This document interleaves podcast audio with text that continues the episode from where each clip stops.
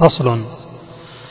توحيده الأسماء والصفات ثالثها في عدنا ذا ياتي فنثبت الذي له قد أثبت في كتبه أو النبي ثم على ظاهرها نبقيها وكل ما أسوقه نبيها. من غير تحريف ولا تعطيل من غير تكييف ولا تمثيل. بذا قضى الثلاثة القرون والخير في مقالهم مقرون.